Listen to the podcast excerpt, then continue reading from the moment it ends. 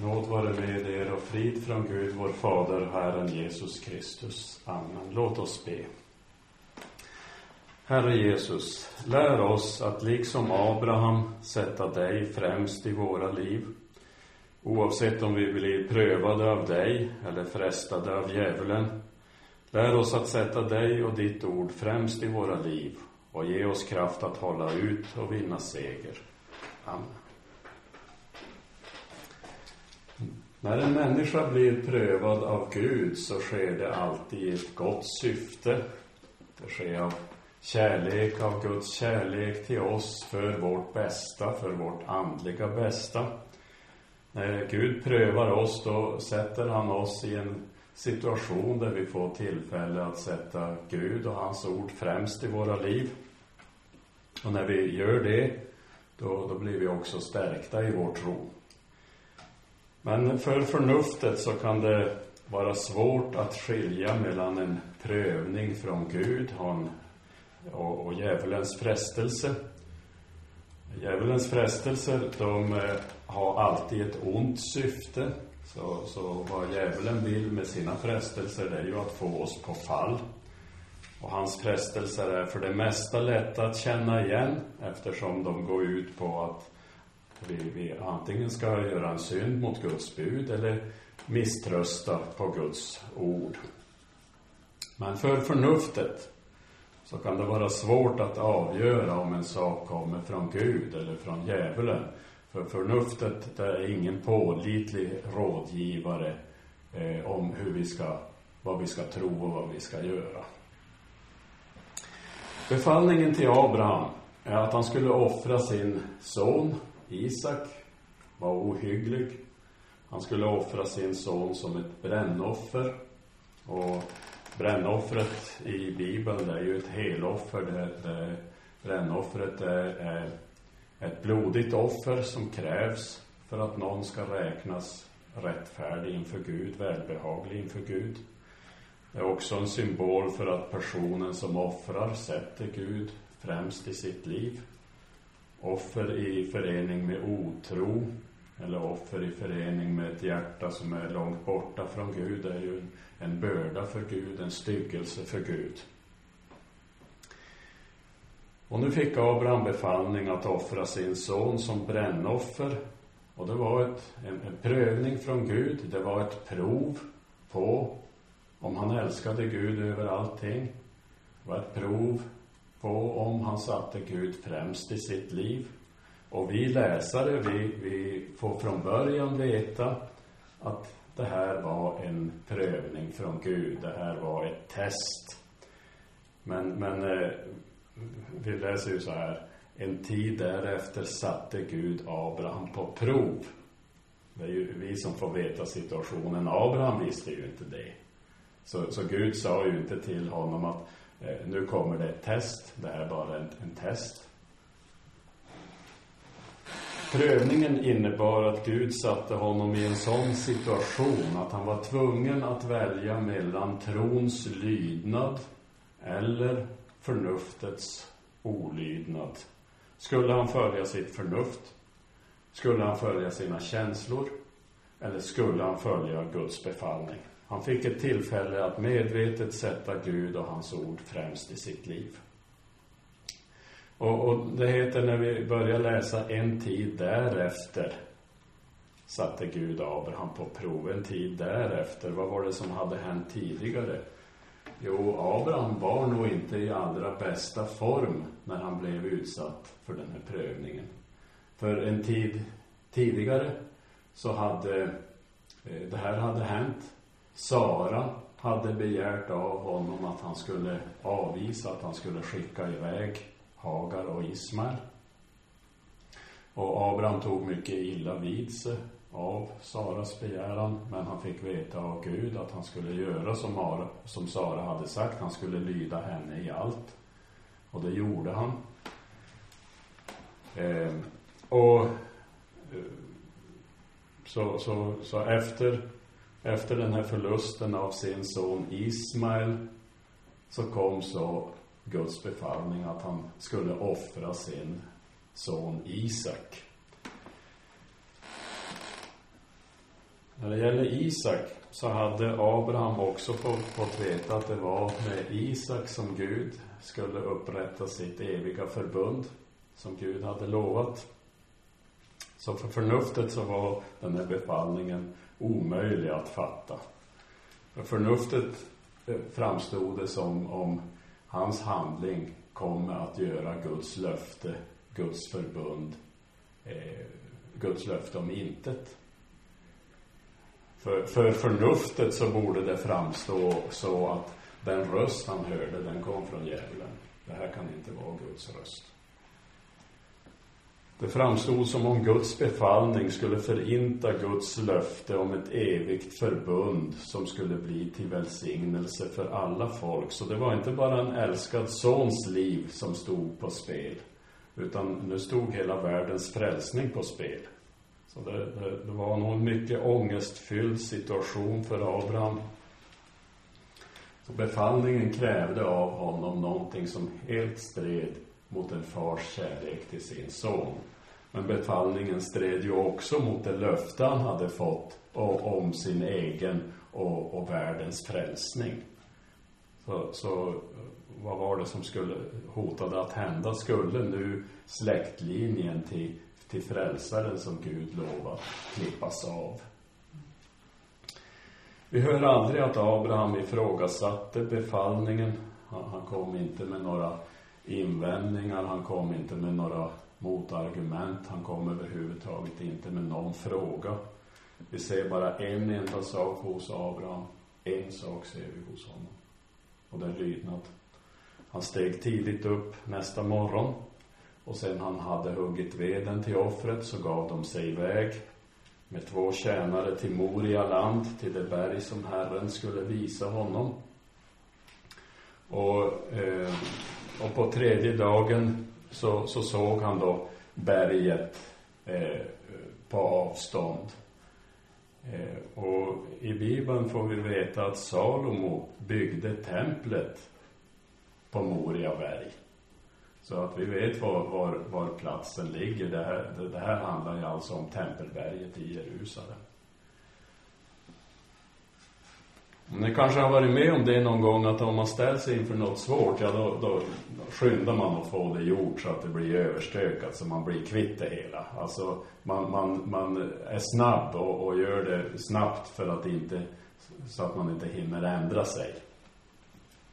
Men den chansen fick inte Abraham, utan det här var ju tre dagsresor bort. Så han hade säkert god tid och han tänkte säkert många gånger igenom sitt beslut, Guds befallning och sitt beslut. Och vi kan också vara säkra på att djävulen tog det här tillfället och gav honom många förnuftiga anledningar till att inte lyda Guds befallning. Många förnuftiga anledningar till att inte offra sin son. När de såg platsen så lämnade han tjänarna och åsnan för att fortsätta tillsammans med Isak och Abraham sa så här till tjänarna, stanna här med åsnan. Jag och pojken går dit bort för att tillbe och sen kommer vi tillbaka till er. Och, och allt det som Abraham säger är ju intressant för här får vi en inblick i vad Abraham hade gått och tänkt på under de här tre dagarnas resa. Det första vi ser var att han hade tänkt ut eh, hur han skulle behandla tjänarna. Så, så han tog först hänsyn till tjänarna och lämnade dem där med åsnan för att de inte skulle ställas i en sån situation att behöva se någonting som de omöjligt kunde förstå. Och så får vi också veta att, han, att Abraham såg sin, sin lydnad och, och offret som en tillbedjan. Och, och det innebär att han gjorde som Herren befallt därför att han satte Herren främst i sitt hjärta. Älskade honom över allting och förtröstade på honom. Jesus lär ju oss att sanna tillbedjare måste tillbe Fadern i ande och sanning. Och Jesus och, profeterna också straffar dem som hör Guds ord men som inte gör det. De, de som talar väl med sin mun men som men i sina hjärtan är långt borta från Herren. Men när Abraham förklarar att han och pojken ska gå dit bort till berget för att tillbe, då innebär det att Abraham satte Herren och hans ord främst i sitt liv. Han älskade Gud över allting och, och förtröstade på honom i allt. Och därför var hans lydnad en tillbedjan i ande och sanning. Abrahams svar visar också att han var helt säker på att han och pojken skulle komma tillbaka till tjänarna. Jag och pojken går dit bort för att tillbe och sen kommer vi tillbaka till er. Och det här ordet kommer vi tillbaka eh, är betonat i grundtexten så att Abraham var mycket bestämd. Han var säker på den saken. Och det ger oss en ledtråd till hur Abraham hade löst det här dilemmat. Hur kan en nådig och kärleksfull Gud klippa av släktlinjen till Messias, världens frälsare? Och Abrahams, hade, Abrahams tro hade kommit fram till det att har, har nu Gud gett mig den här befallningen och jag lyder Guds befallning ja, då kommer Gud att uppväcka honom från de döda, ge honom livet tillbaka så att vi kan gå ner tillsammans från det här berget. Och, och det är också vad Nya Testamentet lär oss. I Hebreerbrevet, i, i kapitlet om troshjältarna, så står det så här. I tron bar Abraham fram Isak som offer när han blev satt på prov. Sin enda son bar han fram, trots att han hade fått löftena och Gud hade sagt till honom, det är genom Isak som din avkomma ska räknas. Abraham räknade med att Gud hade makt att till och med uppväcka från de döda. Och därifrån, därifrån återfick han honom också bildligt talat. Eh, Jesus säger på ett ställe, den som älskar far eller mor mer än mig är inte värdig mig. Och den som älskar son eller dotter mer än mig är inte värdig mig. Och, och det var samme Guds son som stod för den här testen av Abraham. Samme Guds son som prövade honom och som stoppade honom när han drog kniven. För då hade det nödvändiga offret redan skett i Abrahams hjärta. Abraham hade visat att han älskar Gud över allting och i allt förtröstar på honom.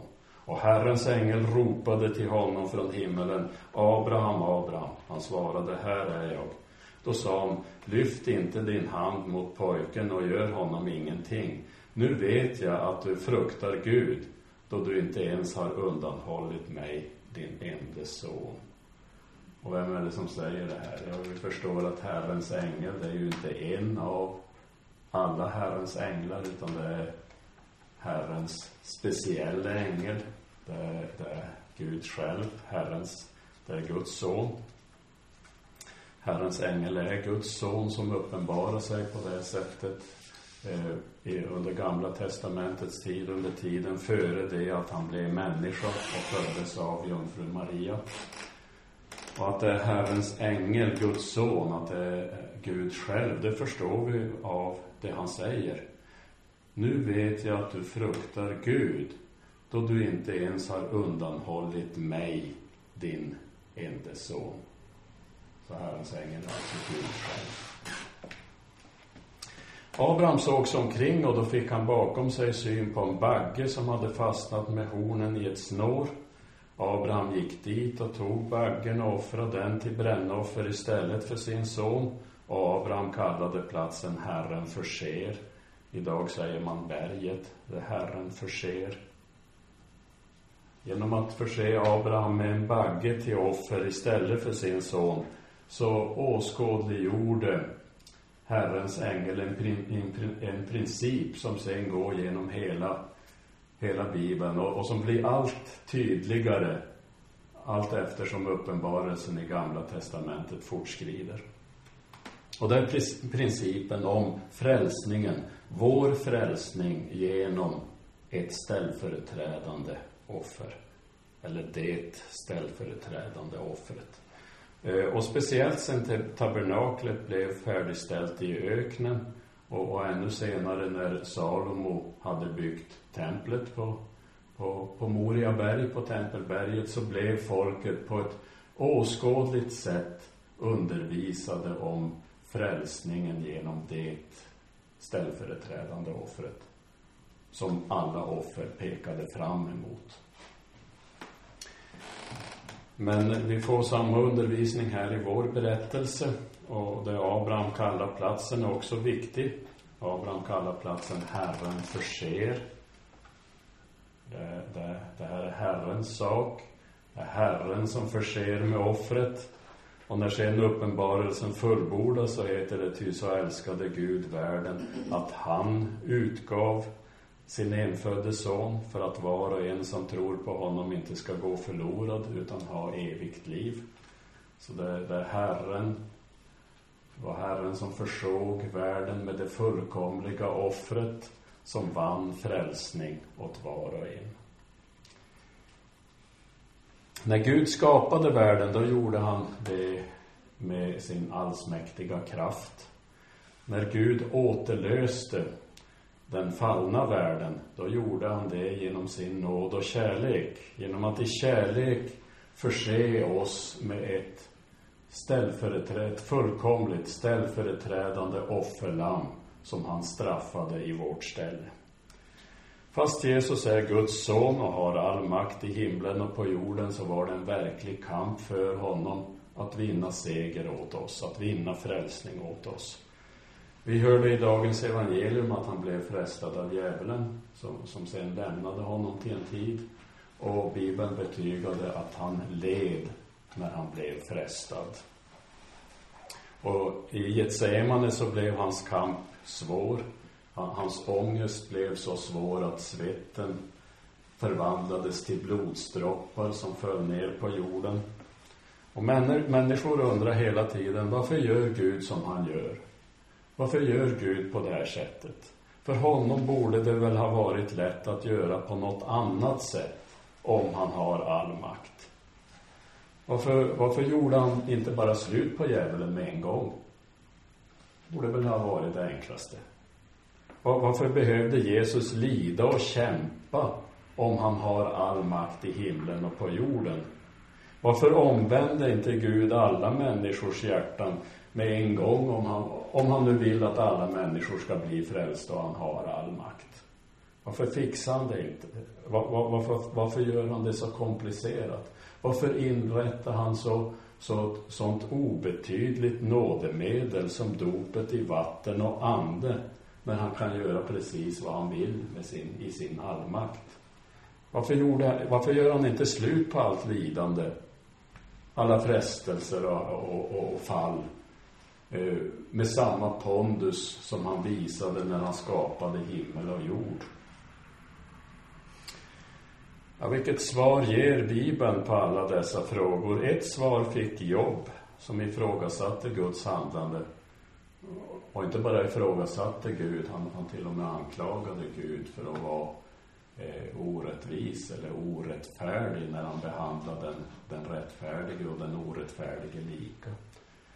Eh, Herren sa till honom, vem är denne som fördunklar mitt råd med ord utan förstånd? Spänn bältet om livet som en man. Jag vill fråga dig och du ska svara mig. Var fanns du när jag la jordens grund? Svara om du har så stort förstånd. Så, så för att kritisera Gud, eller att ge Gud råd, så krävs det ju att någon är smartare än Gud och, och, och kan analysera och bedöma Guds handlande. Och vi behöver då och då påminnelsen om att vi är skapade varelser och att vi inte ens fanns till när Gud designade skapelsen. Men ett annat svar får vi, eller ett, ett, ett delsvar får vi i berättelsen om Abrahams prövning. Gud ger oss tillfälle att älska honom över allting och i allt förtrösta på honom, inte av tvång, utan av ett fritt och tacksamt hjärta. Gud frälser ingen genom sin blotta allmakt som ingen kan motstå. Gud frälser oss genom ett löfte som människor kan tacka nej till. När Gud en gång kallade Abraham gick han ut ur sitt land i tron på Guds löfte. Skedde inte av tvång. Skedde inte av rädsla för, för att undkomma Guds straff. Utan det skedde av ett fritt och tacksamt hjärta. Och nu hade han än en gång fått tillfälle att medvetet sätta Gud främst i sitt liv, inte av tvång, utan med ett hjärta som älskade Gud över allting och i allt förtrösta på honom. Och Gud ger oss samma tillfälle. Han tvingar ingen, men han lockar oss med ett glatt budskap om, som förkunnar att han har försett oss med ett fullkomligt ställföreträdande offer för att vi ska gå fria, fria från straff, för att vi ska få tjäna Gud i frihet med glada och tacksamma hjärtan. Och det heter i skriften där Herren, Herren är anden och där Herrens ande är, där är frihet. Men vi ska inte använda friheten så att vi ger synden något tillfälle. När de gick tillbaka till tjänarna, då tror jag att eh, Abraham påminde pojken, påminde Isak om vad han hade sagt redan på vägen upp till berget. Isak hade ju frågat, vi har elden och, och, och, och veden, men var är lammet till brännoffret? Och Abraham hade svarat, Gud kommer att utse åt sig lammet till brännoffret, min son. Och de hade verkligen fått bekräftat att det är Gud som förser. Det är Gud som förser med det ställföreträdande offret. Och det, det var säkert någonting som Isak levde av, levde på resten av sitt liv. En del har undrat om inte Isak tog skada av det här, av, av en så handgriplig och, och säkert skräckfylld eh, lektion i den princip som, som sen går genom hela Bibeln, alltså vår räddning, vår frälsning genom det ställföreträdande offret. Eh, ja, det verkar i alla fall inte så att han tog någon skada. Det här blev nog hellre någonting som stärkte hans tro. Och han räknas i Nya Testamentet till troshjältarna. Och hans tro kom ju speciellt till uttryck när han välsignade Jakob och Esau för kommande tider. Och vi ska be Gud om vishet att undervisa våra barn. Vi ska be eh, Gud om vishet att vi, att, så att vi kan undervisa våra konfirmander så att de hela livet sen bär med sig eh, andra trosartikeln om Guds sons ställföreträdande offer. Vi, vi behöver inte ordna, och vi ska inte ordna konfirmandlektionerna lika dramatiskt som Abraham gjorde. Vi, vi, vi ska överhuvudtaget inte söka prövningar och vi ska inte utsätta någon för prövning för det har vi inte vishet till. Abrahams prövning den skedde ju under mycket, mycket trygga former. För det var ju vår, vår käre fader, det var, var, var Gud som i, i vår, vår kärleksfulla frälsargud som hade gett honom befallningen. Och så sen hör vi att, att Herrens ängel själv närvarade under den här prövningen och, och, och, och så att det skedde tryggt och säkert och satte stopp när det var nog.